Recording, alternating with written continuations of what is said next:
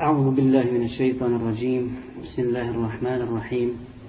الحمد لله رب العالمين والعاقبة للمتقين ولا عدوان إلا للظالمين الصلاة والسلام على رسولنا محمد وعلى آله وصحبه أجمعين. وبعد السلام عليكم ورحمة الله وبركاته. Draga braćo, po vjeri, po dinu Allahovom, ja bi prije svega zahvalio Allahu Đelešanuhu na njegovoj uputi, na njegovim neizmjernim blagodatima i zahvalio bih Allahu što nam je omogućio da se večeras okupimo ovdje u ovom mesčidu ponovo nakon godinu dana. I molim Allaha Đelešanuhu da ovaj naš skup učini od skupova na koje Allah spušta svoj milost i koji natkriljuju, mele, koji natkriljuju meleki i da ovaj skup učini od skupova koje Allah spominje u najdobranijem društvu. Ja sam mislio da će večeras biti i ženskog svijeta, da će biti ovdje i sestre prisutne e, i u dogovoru sa našom braćom u toku putovanja razmišljao sam koju temu da uzmem, ja sam pripremio, ja bio više tema, e, pa ipak ćemo mi ovu temu koju sam ja pripremio, pa ćete ako Bog da vi prenijeti vašim ženama ono što čujete, a bilo bi bolje da su prisutne, da uživo slušaju predavanje. Naime, ja želim da, inšallah, večeras malo dotaknemo, dotaknemo se jedne vrlo bitne teme za nas sviju, a za vas koji živite u dijaspori, kako mi volimo reći, e, posebno. Želio sam da govorim o temi, odnosno o stvarnosti e, muslimanske porodice na zapadu. Vi znate, braćo, da je muslimansko društvo, odnosno islamsko društvo i društvo koje je odgojeno na principima islama i posebno generacija, prva generacija, koji je odgojio Rasul sallallahu alaihi ve sellem na svojim, na svojim rukama, jedinstveno društvo u povijesti, u povijesti ljudskog roda. I tom društvu nema primjera u istoriji čovječanstva. Ni u akidi, ni u ahlaku, ni u zakonodavstvu, ni u međusobnim odnosima, ni u bilo, bilo kom segmentu ljudskog, ljudskog života. U akidi, ako posmatramo, dakle, e, život prve generacije, odnosno prvih generacija, onih koji su ovjekovječili ili u praksi primijenili kuransko učenje, vidjet ćemo, kad je u pitanju akida, da su primijenili i zbog toga su bili jedinstveni a i mi takvi treba da budemo. I na, na ove stvari želimo da upozorimo. A posebno, dakle, u ovoj fitni u kojoj, u kojoj mi svi živimo, a vi, a vi posebno. U akidi su primijenili propis Allahu, odnosno kur, kuranske riječi, zalike bi enna Allahu huval haq. Allah subhan, zato što je Allah subhanahu wa ta'ala jedina istina, wa enna ma yad'una min duni huval batil. I što su oni koji ljudi mole mimo Allaha, laž i zabluda, i zabluda. Dakle, samo se muslimani mogu pohvaliti s time. I zato su oni srećni. I navešćemo primjere te njihove sreće. Primjere njihove sreće i kad su u siromaštvu i kad su u bogatstvu. I njihovog zadovoljstva duševnog, bez obzira u kakvom se položaju nalazimo. I vallahi to nema niko osim muslimana. To nema niko osim muslimana. Evo, malo prije sam čuo da je bio jedan došao čovjek ovdje, austrijanac, raspituje se za islam, jel? Zašto? Zalike bi en Allaha huwa al-haq. Zato što je Allah samo istina. Zato što je Allah samo istina. A sve ono što ljudi obožavaju mimo toga, mimo toga je batil. I to mora propasti. A duša ljudska čezne za, za jedinom istinom. I Allah je stvorio dušu i zna, zna šta ljudskoj duši treba. Zatim u ahlaku i ponašanju i međusobnim odnosima ashabi su, odnosno prve generacije, dok su generacije koje su živjele islam, i islamskog društva tako trebalo da bude u cijelini, neponovljivi bili. A, a zbog čega, Aleksana? Zbog čega, braćo? Zbog toga što su primijenili kuranski ajet za koji mu fesiri kažu, za koji mu fesiri kažu, nema niti jedne stvari u ovom ajetu, a koje naši hatibi na hutbama uče petkom, a da je Allah nije naredio od dobra. Niti ima jedne loše stvari da Allah nije naredio u ovom ajetu. Samo jedan ajet. Inna Allaha ya'muru bil adli wal ihsani wa ita'i dhil qurba. Allah dželle naređuje pravednost i dobročinstvo i da se inna Allaha ya'muru bil adli wal ihsan dobročinstvo i dobročinstvo norma i čuvanje rodbinskih veza. Kažu islamski učenjaci da se uve tri riječi koje imaju daleko šire značenje od ovoga, sadržano svako dobro Nema ništa, Kur'an nije, ništa Allah nije izostavio u ajetu, a da ga nije spomenuo i da nije naredio musliman da ga čini. وَيَنْهَا نِلْ فَحْشَاءِ وَالْمُنْكَرِ وَالْبَغِ A zabranio je razvrat i činjenje grijeha i zulum, odnosno primjenu sile. U ove tri, ova, ova, ove tri riječi je sadržana sva zabrana, zabrana svakog zla. Zabrana svakog zla. I potom su se odlikovali, odlikovali muslimani. Zatim, u podizanju porodice, posebno, posebno podzanju podizanju porodice odlikovali muslimani. I bili su primjer drugima. Kako? Ta muslimanska porodica je bila utemeljena na, na Kur'anu i sunnetu poslanika sa sebe. I na brizi, i na brizi svih njenih članova, bili muškarci ili žene, bili djeca. Bili djeca. Na čuvanju akide, na čuvanju tevhida, čuvanju islama. I brige, selam, i brige za odgojem, brige za davom, brige za islamom. To je ono što kod nas nema. Mi, ako ćemo, kad bi navodili primjere za odrasle, za odrasle, koji su čuvali tu akidu, daleko bi nas to odvelo. Mogli bi cijelo noć pričati. Za muškarce i za žene. Pitaćete možda kako, će, kako, kako su to djeca čuvala tu, taj islam, kako su djeca čuvala akidu. Na koji način se to izražava. Ima primjera za to koliko god hoćete. Navešćemo samo jedan račun. Samo jedan primjer. Sjetimo se bitke na Bedru. Ovaj hadis, ovu predaju, bilježi Buhari od Abdurrahmana ibn Aufa, da je Abdurrahman ibn Auf, kad, se, kad je poslani sa selem postrojio vojsku na Bedru, da se našao među dva, između dva dječaka. Pa kaže, pogledao sa s moje desne strane, bio je, bilo je dijete. S moje lijeve strane isto tako, pa sam se prepao. I rek, pomislio sam da je Bog do neko malo, malo jači. U nezgodnom sam položaju, ako nas mušici napadnu, šta će ova djeca uraditi? Pa me onda jedan od njih povukao i tiho mi rekao, Amiđa, poznaješ li Ebu Džehla? Pa sam rekao, što ti pitaš za Ebu Džehla? Kaže, došao sam danas u ime Allaha da se borim protiv njega i da ga ubijem zato što on psuje Muhammed a.s. Pa kaže onda me isto tako onaj s lijeve strane prišao i tajno pita, znaš li Ebu Džehla? Što će ti Ebu Džehla? Kaže, došao sam danas da se borim protiv njega da ga ubijem ili on mene da ubije. Zato što on vrijeđa Rasulullah. Pa sam se začudio i nakon toga kad se pojavio, Abu Džahl je bio gromada od čovjeka. Faraon, umeta, krupan bio. Kad se pojavio, on na ratištu da bodri mušike na borbu, rekao sam im na neki način da ih spriječimo ono, u, u, u tome što su oni pomislili da urade, vidite li onoga, da bi se zastra, uplašili malo, to vam je buđa. Ona je o kome vi pita. E u istom trenutku su skočili go dvojica. Skočili se, skočili su i vratili se vukući Ebu Džehla u glavu. Allah je ponizio faraona ovoga umeta Ebu Džehla, vođu mušrika, na taj način što je njegovo kraj na Dunjaluku, što su njegov život okončali uz Allahu pomoć ova dvojica dječaka. I došli su poslaniku sa veselem i kažu, kaže ovaj jedan, ja sam ga ubio, ja Rasulallah. Ovaj drugi kaže, ja Rasulallah, ja sam ga ubio. Kaže, jeste li obrisali sablje? Te nismo i kad si vidio sam selem tragove krvina, sablja, obo dvojica ste ga ubili. Pogledajte, dakle, djeci u vrijeme poslanika sa veselem, o čemu se brinu i šta su njihove težnje. Svaki čovjek, svaki insan nečemu teži. Želi nešto da postigne u životu ima neke svoje, svoje životne težnje i aspiracije. Jedni se brinu, što kažu islamski učenjaci, o, o dinu, a drugi o pinu. A pin je zemlja. Jedni se brinu o dunjaluku, drugi o ahiretu.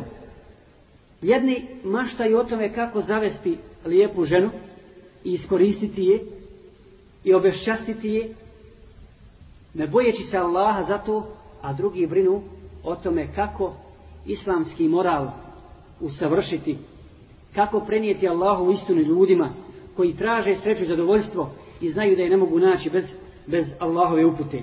Dakle, svi ljudi nečemu teže, a vidimo te prve generacije čemu su težili i kako su uspjele. I u tome, u tome je naš spas i naša sreća. Nema drugačije uspjeha.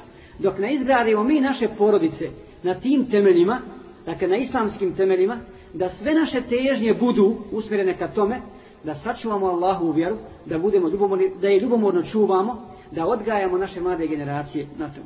I pogledajte kakva je razlika između tih prvih generacija i naših današnjih generacija, nažalost.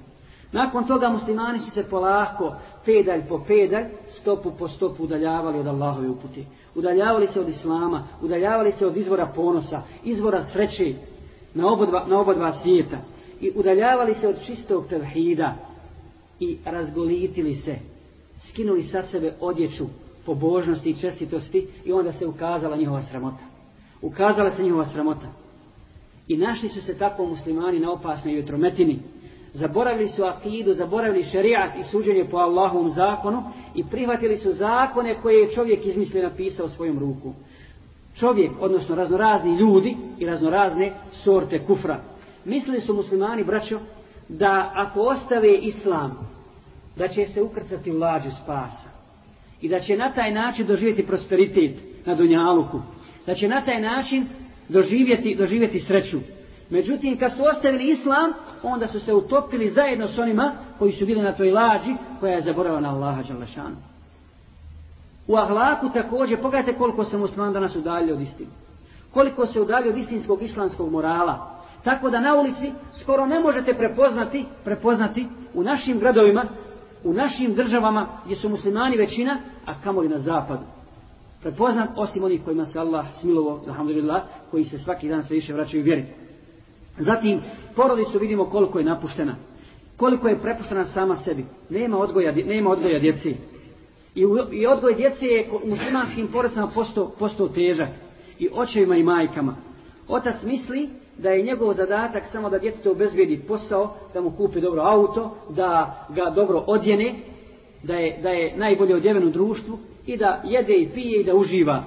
I on je na taj način izvršio svoju ulogu.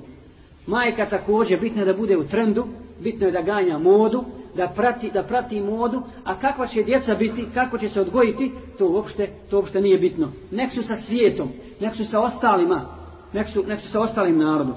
I mnoga djeca su braćo osjetila da nema istinskog odgoja. A čovjek po svojoj prirodi traži kompenzaciju, nadoknadu za to. Ako nema istine, on će prihvatiti laž. Ako neće slušati istinu, slušat će laž. Ako ga nećeš ti odgajati, odgajat će ga neko drugi. I onda su našli utjehu gdje? Tražili su ko će odgajati. Pa su našli ulicu, našli su diskoteke, našli su, našli su onaj noćne klubove, kafiće i tako dalje. I zaista, kako kažu islamski učenjaci, braćo, nije jetim, nije siroče onaj ko izgubi roditelje koji su ga odgojili u islamu. Ako je odgojeno to dijete ako su roditelji izvršili svoju ulogu, nego je siroče onaj insan, odnosno ono dijete, koje ima roditelje, ali ga ne odgajaju kako treba. Ne zna islama, ne zna, ne zna istine i onda luta. I ovo je naša gorka stvarnost, braćo. I neprijatelji islama dobro znaju, dobro znaju, dakle, da je muslimanska porodica odgojena na temeljima islama glavna opasnost za njih. Da je ona temelj islamskog društva i zato su željeli po svaku cijenu da je napadnu. Da napadnu tu čeliju, da napadnu taj temelj i da ga, i da ga sruši. I pred muslimanskom porodicom su danas opasni izazovi. Posebno, posebno braćo na zapad. A ti izazovi, ti izazovi su vanjski i unutrašnji. I o njima ja želim da govorim. Što se tiče vanjskih izazova, neprijatelji Islama žele da prvo, da istregnu muslimansku porodicu iz muslimanskog društva. Dakle, da ona ne bude odgojena na islamu, da je, da je istregnu, istregnu iz tog sigurnog, sigurnog gnjezda. I akajski, i ahlakski, dakle, da je udalje od aki, aki, akidije tu porodicu, od ibadeta, od lijepog ponašanja i tako dalje. To je jedna stvar. Zatim, druga stvar, na koji način to postižu? Prije svega ubacivanjem sumnje u vjeru. Ubacivanjem sumnje u ispravnost islama u vjerodostojnost Kur'ana, u njegovo božansko porijeklo. Zatim, ako se to desi, a u mnogome su, u mnogim stvar, u, u, u mnogome su uspjeli kod muslimana da ubace te sumnje, onda dolazi do utapanja. Utapanja u druge kulture, u druge civilizacije. I zatim, na kraju, vanjski uticaj jeste napad na ženu. Napad na ženu muslimanku. I na njenu, i na njenu ulogu i ono što joj je islam, što joj je islam dao. Na koji način ubacuju braća sumnju u Allahu vjeru?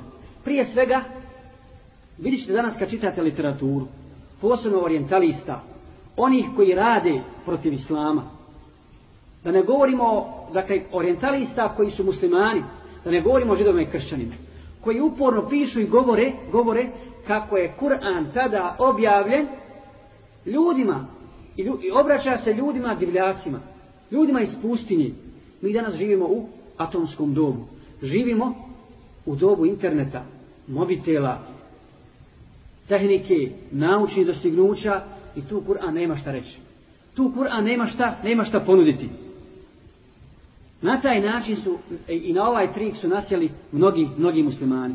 Mi, braćo, ne želimo da, da zatvorimo oči pred napredkom materijalnim zapadom. Ne. ne. Onda bili bismo nepravedni kad bi to uradili. Mi priznajemo da je zapad dostigo u tom materijalnom pogledu veliki napredak. Veliki napredak. Ali zapad također na drugom planu, na drugom planu nema, doživio je veliki nazadak i svaki dan sve više i više tone. A to je glavna stvar. Na planu morala, na planu ahlaka, na planu istinskog odgoja nema šta ponuditi. Nema šta ponuditi. Zašto? I kad bismo mogli zamisliti, jer čovjek nije samo tijelo, čovjek nije samo materija. I kad bismo mogli zamisliti pticu koja leti samo s jednim krilom, koliko god da letila dugo, kad tad će pasti i slomiti to drugo krilo. Dakle, čovjek nije samo materija. I zapad je ostao nemoćan, nemoćan dakle, pred ovom drugom stvarnošću u životu, pred dušom. Jer stanje duše se ne mjeri, braćo, termometrima, niti bilo kakvim drugim fizičkim zakonima. Čovjek je čovjek po duši, a ne po tijelu. Kad izjeđe duša iz čovjeka, šta se onda kaže za njega? Rahmetullahi alaihi. Klanja mu se dženaza. On je mejt. Nije dovoljno, dakle, samo zadovoljiti tu materiju. Osta krnjava. Osta čovjek tada, tada krnjav. I vi dobro znate i svjesnite, svjesnite toga bolje nego ja i vidite da je danas porodica na zapadu propala. Da je ona izgubljena i da je život zapadnjaka težak život težak život i pun tjeskobe. Rasturene porodice, rastureni brakovi, nezadovoljstvo, nezadovoljstvo ljudi, njihova izgubljenost, nakaradne ideje koje slijedi, njihov nemoral, bolesti koje haraju, koje haraju kod njih, nemir u njihovim dušama, koji se osjeća na svakom mjestu. I propadanje kompletnih nacija je dokaz da ne znaju gdje je istina. Je dokaz da nemaju šta ponuditi na ovom duhovnom planu. A pogledajte šta kaže Allah Đelešanuhu za one koji ne znaju istinu i koji tumaraju svome životu. Kako je jasno Kur'an vallahi odslik, slika tu stvarnost ljudsku. Pa kaže Allah Đelešanuhu A'udhu billahi mine šeitana rajim وَمَنْ أَعْرَضَ عَنْ ذِكْرِي فَإِنَّ لَهُ مَعِيشَةً دَنْكَ وَنَحْشُرُهُ يَوْمَ الْقِيَامَةِ عَامَ Onaj ko okrene glavu od knjige moje, taj će teškim životom živjeti. Život će mu biti tjesan, težak i, i tegoban. Takvo je stanje duše kod, nevjer, kod nevjernika. A evo vam primjera. Evo vam primjera. Priča jedan šejh koji je došao u Ameriku. U ovom našem sad vaktu. Došao u Ameriku da održi predavanje muslimanima, arapima. I kaže kad sam došao u mesčit, nakon namaza, a prije predavanja, došao je čovjek, mladić jedan, musliman iz Sirije sa jednim čovjekom koji nije klanjao, nije klanjao s nama, pa kaže, pitao sam šta je, ko je ovaj, onda mi je rekao, ja šejh, ovaj čovjek je došao da izgovori šehade, da primi islam. I onda sam ja rekao, dobro, u redu, mašala, to je lijepo, ali nek nam prije ispriča kako je došao do istine. Kako je došao do uputi. I onda ovaj čovjek priča. Kaže, on je bogataš bogataš koji ima svoje tvrtke, koji ima svoje firme u Americi. I ovaj brat musliman priča kada ja sam tako mi Allaha kod njega išao. Išao sam kod njega u kuću koja je sva od stakla. Čija jedna, čija jedna strana na moru, druga na kopnu. U Njujorku. I kaže, u toj kući ima sve što se na Dunjaluku može poželjeti. Ovaj čovjek nije srećan. I jednoga dana ušao je, na, došao je na moje radno mjesto i zatekao je ovog muslimana gdje pere noge. Oprao je prije toga ostale dijelove tijela koji se peru u toku abdesta i prao je noge, pa, mi, pa, pa je pitao što, šta to radiš? Zašto pereš noge na radnom mjestu? Kaže, abdestio sam, pa sam oprao ostale dijelove, ostale još noge. Šta je to abdest? To je čišćenje prije namaza. Šta je namaz? To je molitva. Kome? Ka Allahu. A ko je Allah? I onda sam mu ja objasnio i govorio sam o islamskim propisima. Kaj čudno je to. Ja te uvijek zateknem srećno. Kad god dođem ti si zadovoljan i trijezan. Nikad nisi pijan. Pa kaže, objasni mi zašto je to tako. Kaže, što se tiče toga da sam trijezan, meni je Islam zabranio, Allah nam zabranio alkohol muslimani. Hoće da budemo svjesni ljudi, da iskoristimo razum za ono za što ga je Allah, Allah stvorio. A što se tiče, što se tiče onaj toga da sam srećan, ja ću ti kaj spomenuti hadis poslanika sallallahu alejhi ve sellem u kojem kaže Muhammed sallallahu alejhi ve sellem Ajaban li amri al-mu'min inna amrahu kulluhu lahu khair. Čudna je stvar mu'mina. Njemu je uvijek dobro. In asabathu sarra'u shakar fa kana khairan lahu. Ako ga zadesi dobro, on zahvali Allahu i dobro mu je. Wa in asabathu darra'u sabar fa kana khairan. A ako ga zadesi kakav musibet, kakvo zlo, on sabura, strpljive na tom musibetu i opet mu je dobro. I nije tako niski, nikod koga osim kod mu'mina. Pa kaže, bil ja bio srećan kad bi primio islam? Kad bi radio to što ti radiš? Kad bi Allah. Ja hoću da primim islam. I okupao se i došao je kod tog šeha da izgovori šehade. I kad je izgovorio šehade, ljudi su, ljudi su gledali njega kako izgovara šehadet, a on je grcao u suzama. Kad je plakao i onda ovi ljudi su došli oko njega da ga tješe, e, da ga bodre i tako dalje, međutim kaže, še, pustite ga, pustite ga nek se isplači. Kad je se isplakao i završio, kad je pitajte ga zašto je plakao. Zašto je plakao? Kaže, plakao sam zbog toga što kad sam izgovorio šehadet, osjetio sam da mi se prsa širi. Dakle, osjetio sam zadovoljstvo sa, sa šehadetom. Najbogat čovjek, da ne kažemo najbogatiji čovjek možda u tom gradu, čovjek koji ima sve od dunjaluka, sve ono što se može poželjeti i što žele mnogi ljudi. Kao što su željeli, željeli u Karunovo vrijeme. Karun poznati bogataš u Musavari. Pa su govorili da je Bog do nama što ima Karun. I kad su vidjeli kaznu očitu, kada ga Allah kaznio i utjerao u zemlju sa njegovim bogatstvom, onda su, onda su došli pamijeti. Dakle, duša se ne smiruje, ne smiruje bez, bez, bez istine. I to je istina o današnjim porodicama i to je njihova stvarnost i njihov, i njihov život. I njihov život. I vi ste, braćo, vallahi u velikoj blagodati. Svi mi, ali govorim dakle o našoj stvarnosti, naših porodica, naših muslimana na zapadu. I tako mi Allaha, zbog čega u blagodati? Zbog Islama. Zbog upute Allahove. I kada biste, odnosno kada bismo, čitav život, do smrti, do sudjega dana bili na srđdi Allahu, malo je. Malo je ne bi bilo dovoljno. Odnosno ne bi bilo previše. Zbog te blagodati koju mi imamo, imamo Allahu Kur'an, imamo Allahu rije, Allahu riječ i Allahu objavu koju možemo da učimo i treba da, treba da slijedimo koja će nam donijeti hajr na oba dva, na oba dva svijeta. Dakle, oni žele da ubace sumnju u to vjerovanje. A pogledajte kako lutaju. I pogledajte kakav danas je haos nastao na zemlji zbog toga. Nema ko će voditi ljude. Ko će im ponuditi istinu ako neće, ako neće muslimani. I onda kad ubace to, kad ubace sumnju u Allah, u, nama u Allahu u vjeru, onda dolazi do utapanja, normalno. Čovjek odbaci islam, mora nešto prihvatiti. Mora prihvatiti nečiju civilizaciju, nečiju kulturu, odnosno nečiju vjeru, odnosno nevjeru. Kako kaže poslanik sa selem u hadisu kojega bilježi Buharija i Muslim od Ebu Sejda al-Hudrija, slijedit ćete one prije vas, šta? Pedalj po pedalj, stopu po stopu. Ili aršin po aršin. Sve dotle kada bi oni ušli u gušterovu rupu i vi bi za njima ušli. Pa su rekli, ja Rasulallah, jesu to židovi kršćani?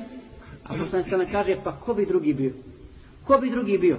A u drugoj predaji stoji da je rekao, da je rekao poslanik sve, kada sve dotle ćete islijediti kada bi oni učinili zinalog sa svojom majkom i vi bi to učinili. I vi bi to učinili. Dakle, nude nam svoje programe, svoje, svoje zakone i stalno ponavlja jednu te istu riječ. Zapad, zapad, zapad. Zapad, zapad. To je, on je dominantan. Njegova kultura, njegova, njegova civilizacija i tako dalje. Mi ne želimo da napadamo zapad. Nego čudimo se muslimanima. Čudimo se muslimani jer mi smo sami sebi krivi. Kako ne otkrijemo te stvari? Kako ne možemo otkriti, otkriti njihovu zabudu? Njihovu zabudu kojoj živi. Dobro, prihvatit ćemo ono što je kod njih dobro. Od te tehnike. Zašto? Zato što ta tehnika, taj dunjaluk, ta materija, za nas treba da bude sredstvo. Sredstvo, a ne cilj. A onaj kome dunjaluk bude cilj, Boga mi je propao. Boga mi je propao. Kako je rekao Imam Gazali u jednoj, u jednoj onaj predaji, spominjući ljude koji su u gafletu, koji su nemaru, a ovu njegovu predaju spominje Ibn Hajar u Fethul Bariju, u komentaru Buharine zbirke hadisa, kaže ljudi koji su obmanuti dunjalukom, za mene su poput ljudi koji putuju u lađi, koji putuju u lađi i kaže došli su na jednu obalu, odnosno na jedno ostrvo koje je svo u znaku ukrasa dunjalučki. A rijeke kroz njega teku, zelenilo, bašće, cvijeće, plodovi raznorazni i tako dalje. I onda im je kapetan broda rekao, ljudi, iziđite i neka svak obavi svoju potrebu, svoju nuždu i neka se što prije vrati, vrati na, na lađu. Jer ja vas neću čekati, zakazano je vrijeme kad trebamo poći. Pa kaže, jedan od njih je otišao i brzo se vratio, obavio svoju potrebu i vratio se. I našao je mjesto šire i prostranije lađe nego što je bilo prije, nego što je imao prije. Kad je drugi se zagledao u te ljepote tog ostrva i ostao je malo. Pa se onda trznuo i probudio i vratio se, ali je zatekao mjesto tješnije nego što je bilo prije.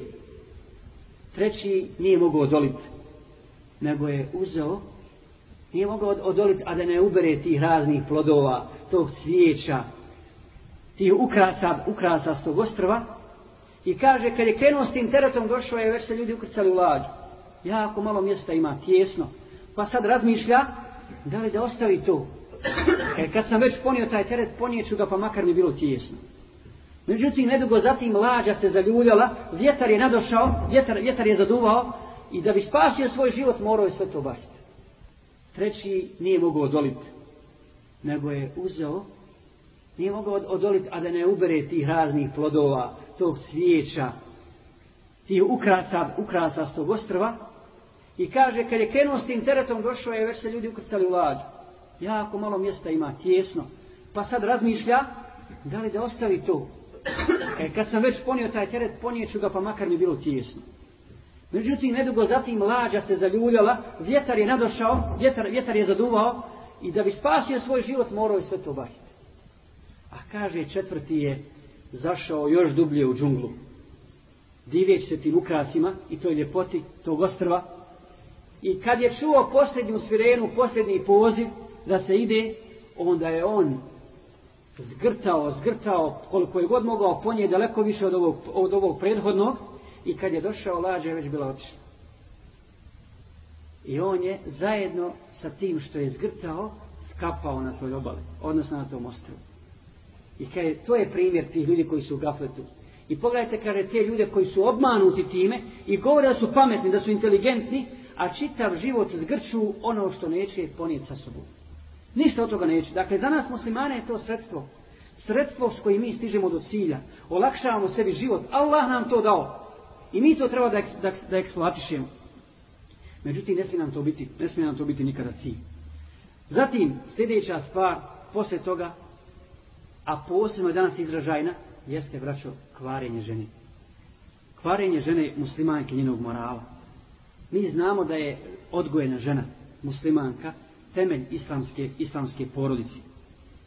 A oni su pokušali da pokvare ženu muslimanku i nažalost uspjeli kroz sumnje također, zatim kroz poziv u slobodu, oslobađanje žene, oslobađanje žene od raznih okova, od hijjaba, od islamskog života, od boravka, od boravka u kući, od odgajanja genera, muslimanskih generacija i tako dalje. A tako mi Allaha, žena muslimanka treba da zna da joj je islam podario slobodu, a da je kafiri hoće učiniti robinjom.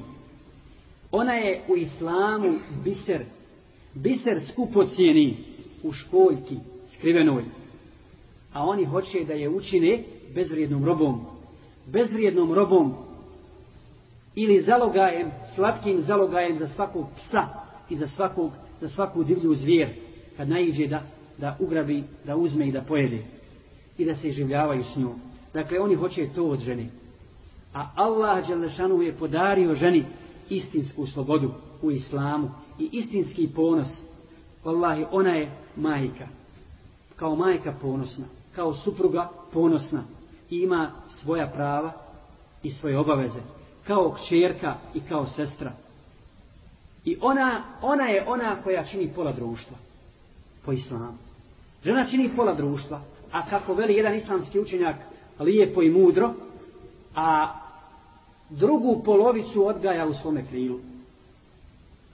Dakle, ona je muški, ona čini pola društva, a muški dio, odnosno drugu polovicu, odgaja u svome kriju. I šta ako nije odgojena? Znači, ona je glavni temelj.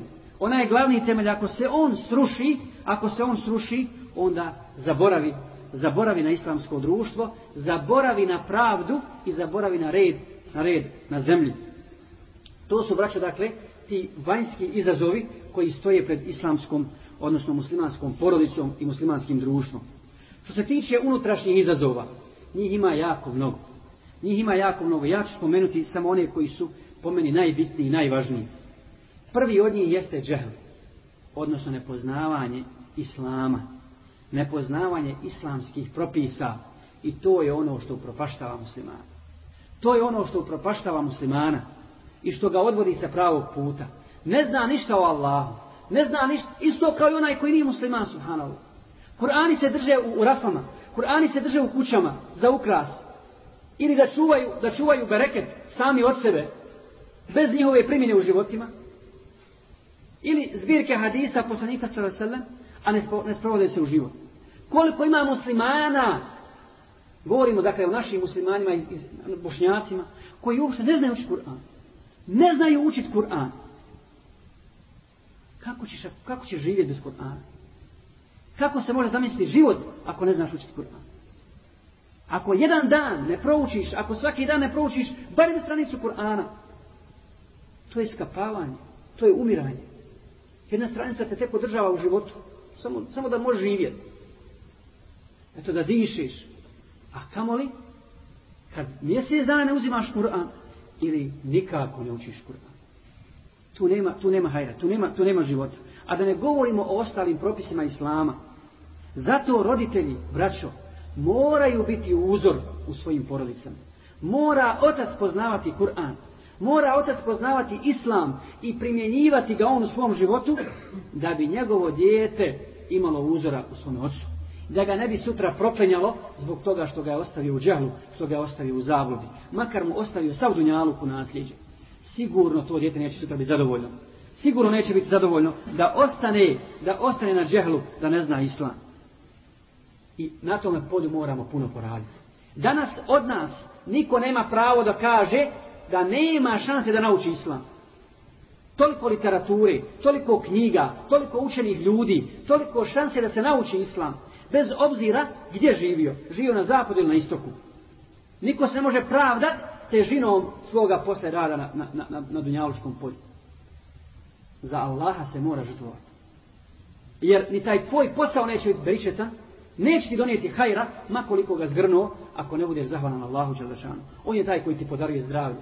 On je taj koji te usmršuje najveće kad pođeš spavat, a ti ništa ne znaš i ne znaš što se ujutro probuditi. I ti odlaziš na posao bez sabaha. Bez toga da zahvališ svome gospodaru. I umaraš se po cijeli dan i bojiš se, bojiš se da ti ne dođe ovaj da te uhvati, da te uhvati da ne radiš. A gospodaru svjetova ne zahvaljiš i na njega ne misliš. Na njega, na njega ne misliš. To je nezamislivo od jednog muslimana. Dakle, odgoj mora početi od roditelja da bi naše generacije bile zdrave i da bi se naše stanje popravilo. Zatim, nedostatak dobrog društva je, nedostatak dobrog društva je uzrok kvarenja omladine. uzrok kvarenja omladine. Ako nema dobrog prijatelja, dobrog druga, mladić, ili ako nema dobru drugaricu odgojenu islamu, djevojka muslimanka će otići u propast. Otići će u propast i prijeti joj velika, prijeti joj velika opasnost da se, da se pokvari. Zato pazite, dobro s kim se djeca druže. S kim se druže, s kim odrastaju, šta uči, šta slušaju, šta slušaju, šta govore u tom društvu i čemu teži, čemu teži to njihovo, to njihovo društvo. Zatim, braćo, također veliki nedostatak za nas, za ispravno razumijevanje Islama i odgoj naših poraca Islamu, jeste nedostatak, odgoj, nedostatak uh, daija. Nedostatak istinskih daija koji će u ime Allaha sve žrtvovati. Sve žrtvovati da bi okupili muslimane, da bi učili Islamu, da bi učili Islamu, da bi njihovu djecu naučavali i da bi tako djeca rasla i odgajala se u tom jednom islamskom ambijentu, u islamskoj atmosferi. Nije dovoljno. Nije dovoljno samo doći u mesčid, pet puta dnevno klanjati namaz i gotovo završeno. Mesčid je naša škola. Mesčid, u mesčidu treba i da bude, da bude živo ko u košnici. Da se uči djeca, da se uči islam, da se uči odrasli i ako se budemo tu odgajati, tu je poslanje sam odgajao ljude. Tu je odgajao najbolje vojskovođe, najbolje daje, najbolje učenjake, naj, najbolje vladare i halife odgojio u mesčidu nedostatak daija. Alhamdulillah, danas se sve više povećava taj broj. Ali nije dovoljno imati samo predavača. Jedan dan u Sarajevu pitao je, pitao je neko jednog našeg brata, daju također, kada je imali ovdje kod vas, jel se povećao broj daija, kada ja znam da je se povećao broj predavača, a jel se povećao broj daija, Allah vana. Dakle, istinskih daija, koji će bez traženja dunjavuka bez želje za dunjalučkom nekakvom nadoknadom, raditi, raditi na promicanju isto, islama. Takve će ljudi slijediti. Takve će, tako mi Boga, ljudi slijediti. A neće, neće one koji, koji su se uhljebili preko islama.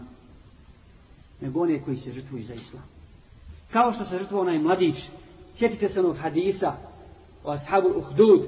Kako onaj mladić kada ga je, kada, kada ga je kralj kada je stari sihirbaz ponudio kralju rješenje da, na, da uzmu jednog mladića inteligentnog da ga uče sihru jer on se približava svome kraju, stari sihirbaz, da održava takvu vlast kod ovog kralja, pa su našli tog mladića koji je na tom putovanju do sihirbaza sretao jednog učenjaka, jednog čovjeka iz Isaovog naroda koji je slijedio vjeru istinsku, koji je slijedio islam i ostao, nije nikom kazivao, nije smio da se otkrije, da se otkrije. Pa je ovaj mladić naučio od njega vjeru pa ga je Allah počastio, počastio time što, što, što mu je dao mogućnost da liječi ljude.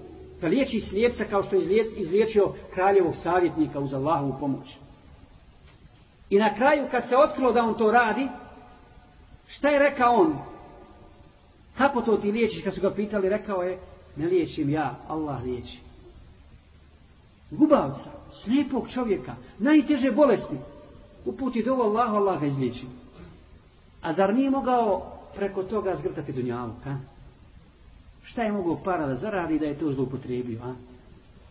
Međutim, ne samo to, nego na kraju, na kraju njegov je cilj bio da svi ljudi prihvate vjeru, da prihvate islam, da se ne obmanjuju kraljem i njegovim vočstvom, pa je, na, kad je nije htio napustiti vjeru, kad nije htio napustiti islam, i to čemu ga je naučio ovaj pobožnjak, koji je bio ubijen prije toga, i raspilan pilom željeznom, odveden je na brdo, pa se brdo srušilo na ove ljude koji su ga odveli, on se vratio.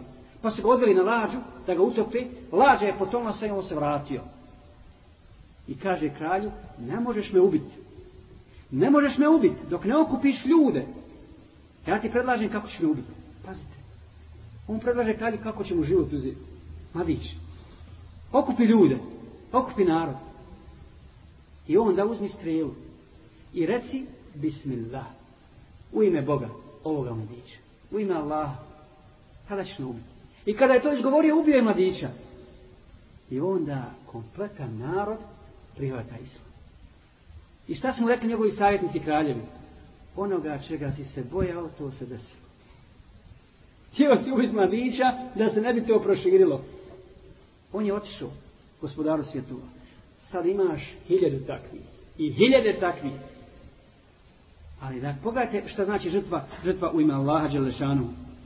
Dakle, e, to je taj božanski odgoj kojega mi imamo u, u, u islamu, u islamu i ako se ne vratimo tom istins, istin, istinskom odgoju, onda nema, nema od nas, od nas ništa. I pitanje je gdje je put? Gdje je put, gdje je izlaz? Izlaz je, dakle, braćo, u vraćanju Allahove vjere. Pridržavanju Allahove vjere. I pozivanju drugih ljudi. Pozi, u ozbiljnosti u, Allah, u sljeđenju Allahove upute. Danas, alhamdulillah, mi možemo slobodno biti zadovoljni donekle i srećni kad dođemo na zapad. U Njemačkoj ja sam obišao nekoliko džemata ovih dana. Allahu akbar, mesčidi, prostorije, krasne prostorije imaju. Međutim, nema ljudi. Nema ljudi. Ima na džumi, ima. Ali to, alhamdulillah, i to je dobro. Znači, sad treba raditi. Sad treba raditi. Imamo temelj. Allah je spustio svoj milost na nas. Nije zbog, nekih naš, zbog našeg velikog nekog rada. Nego zbog toga što hoće da Islam pobijedi. Što je Allah zadovoljan sa Islamom. Da ljudi slijede pravi put. Da ne odu u stramputicu i da ne odu u džehendem. I kad imamo to, moramo se onda uozbiljiti. Moramo zbiti naše safove. Moramo zbiti naše redove. Okupi se oko Kur'ana i sunneta. I na kraju krajeva na vama je odgovornost za one koji lutaju ulicama od, od nevjernika, na vašem poslu, u vašoj firmi i tako dalje. A znate, pitaju vas sigurno. I zašto ne pušiš? I zašto ne piješ? I zašto klanjaš? I zašto nosiš bradu? I zašto ovo? I zašto ono? Nemojte odgovarati kad vas pita zašto ne pijete, eto moj stomak to ne podnosi. Nego kažemo da je to islam zabranio i objasnimo islamski propis. Jer svi ljudi teže ka istini. Svi ljudi teže ka uputi. I znajte, braćo, da je uputa prva stvar koju je Allah spomenuo uz poslanika sa sebe. To je najbolja osobina, najveća vrijednost kod čovjeka. Kad bude upućen, kad, kad, kad osjeti zadovoljstvo i svjetlo ima sa sobom. Kaže Allah što za poslanika sa šta? Vaveđedak je dalan fahada. I bio si u zabludi pa smo te mi uputili. Znači nisi znao za Allaha, nisi znao za istinu. Pa te Allah uputio poslaniće. Salam To je najveća vrijednost. I musliman se, braćo, kad prihvati islam, ne može oholiti. Nemo, nemojte se zadovoljiti time što ste vi prihvatili vjeru, dok drugi ljudi tumaraju u zabud. Budite od onih koji pozivaju drugi, koji žele sreću drugima. Kao što sam ja osjetio sreću i radost u namazu, u životu u islamu, hoću tako da drugi ljudi budu srećni. Jer nema na drugoj strani sreće i zadovoljstva. Nekada mala stvar može biti uzrok uputi. Mala stvar. Dosljednost tvoja u vjeri. Dosljednost tvoja u vjeri pravednost, lijepo ponašanje, lijepo obhođenje, može biti razlog da ne progovoriš njedu riječ, da čovjek bude upućen. I da čovjek prihvati islam. I da sutra bude, iša Allah, bolji, bolji od nas. I da bude dobar, da bude dobar daje. Koliko je bilo takvih ljudi? Koliko je bilo takvih ljudi koji su bili pokvarenja? I nemojte gledat na to. I ne smijemo, jednu stvar moramo, mora napomenuti, braću. Ne smijemo dozvoliti sebi da kažemo, taj je pokvarenja, taj radi to i to. Gdje smo mi juče bili? Šta smo mi juče, do, do juče radili? Spomenut ćemo nekoliko primjera za to. Nekoliko primjera za to. Poznati islamski učenjak muhaddis Al-Qanabi Al-Qanabi bio je prije toga, njegov sin za njega kaže, njegov sin za njega kaže da je bio velika pijanica i veliki pokvarenja. Veliki pokvarenja. I kad jednoga dana je pred svojom kućom u crvenom ogrtaču svilenom od svile, namjerno je obukao zbog oholosti zbog sile svoje madalačke, obukao je crveni ogrtač od svile i sjeo pred vrata, čekaju svoje društvo da piju pred kuću. U tom trenutku je kad je naišao šurbe, također e, poznati muhadis tada, ovaj je bio, dok je ovaj bio pokvarenja. Pa se ljudi oko njega okupili, oko učenjaka se ljudi okupljaju. I on pita, ko je ovaj? Ja, to je šurbe. Ko je šurbe? To je muhaddis. Dakle, pokvareni ljudi ne znaju za učenjaka. Oni znaju za pjevače, za futbalere, za mm, razvratnike i tako dalje. Ne znaju mene učenjaka. Kakav šov? To je muhaddis, poznati muhaddis koji prenosi hadis poslanika sada srna. I je došao do njega i kaže mu, drsko, kaj, priča mi hadis. Kaj, ti, jesu ti od njegovog ehla, jesu ti učenjak, pa da ti prenosim hadis, on je izvukao sablju, kaj, priča, hoćete zbost kad je vidio kako je nekultura, kako je neodgojen i kako je drzak, što ovaj mu je citirao hadis, kaže An Mansur, An Abdullah Mas'ud, kal, kal Rasulullah sallallahu alaihi wa sallam, Iza lem tastahi, fasna maši. E, prenosi se od Abdullah Mas'uda da je rekao poslanik sallallahu alaihi wa sallam ako se ne stidiš, radi šta god hoćeš. Ako se ne stidiš, radi šta god hoćeš. I ovaj čovjek je spustio nož. Otišao je posti, postiđen i rekao majci, majko, prvo je polupao alkohol koji je bio skupio. Rekao, majko, ako dođe društvo, počasti hranom i reci da mene neće zadugo vidjeti. Da sam ja otišao. Nakon toga je otišao u Medinu ma, imamu Maliku i pred njim je učio hadis i vratio se kao najpoznatiji mu hadis, a Šube je već bio umro. A on se vratio u Kufu da naslijedi Šube. A on, Šubeta, a on njega naučio samo jedan hadis. Samo jedan hadis. Ako se ne budeš stidio, radi šta god hoćeš. To ga je postidilo i to ga je navelo da, da, prihvati, da prihvati vjer. Da prihvati, da prihvati uput. I mnogi drugi primjeri. Ljudi organizovali priča jedan učenjak, dakle, o stvari jedan čovjek priča o sebi, o svojoj, o svojoj uputi, kako je došao do uputi. Kad jedan dan smo pripremali izlet, pripremali smo izlet, ja i moje društvo, i došli smo na to mjesto i onda smo spremili jednog našeg prijatelja, jednog da ide po mezu, da nam donese mezu. I on je otišao, zadugo se nije vraćao. Zadugo se nije vraćao. I onda smo spremili jednog od nas, u stvari ja sam otišao da vidim šta je sa njim. Na putu sam vidio gužvu. Ljudi se okupili oko jednog auta i vidio sam da je to auto ovog našeg prijatelja. On je imao udes i kaže, još uvijek je bio živ. I kad smo ga izvad, izvukli iz auta i ponijeli ga, ponijeli ga u bolnicu, stalno je, ugledao je mene i stalno je govorio šta ću mu reći. Šta ću mu reći? Pa ga ja pitam, kome čovječe? Šta ću mu reći?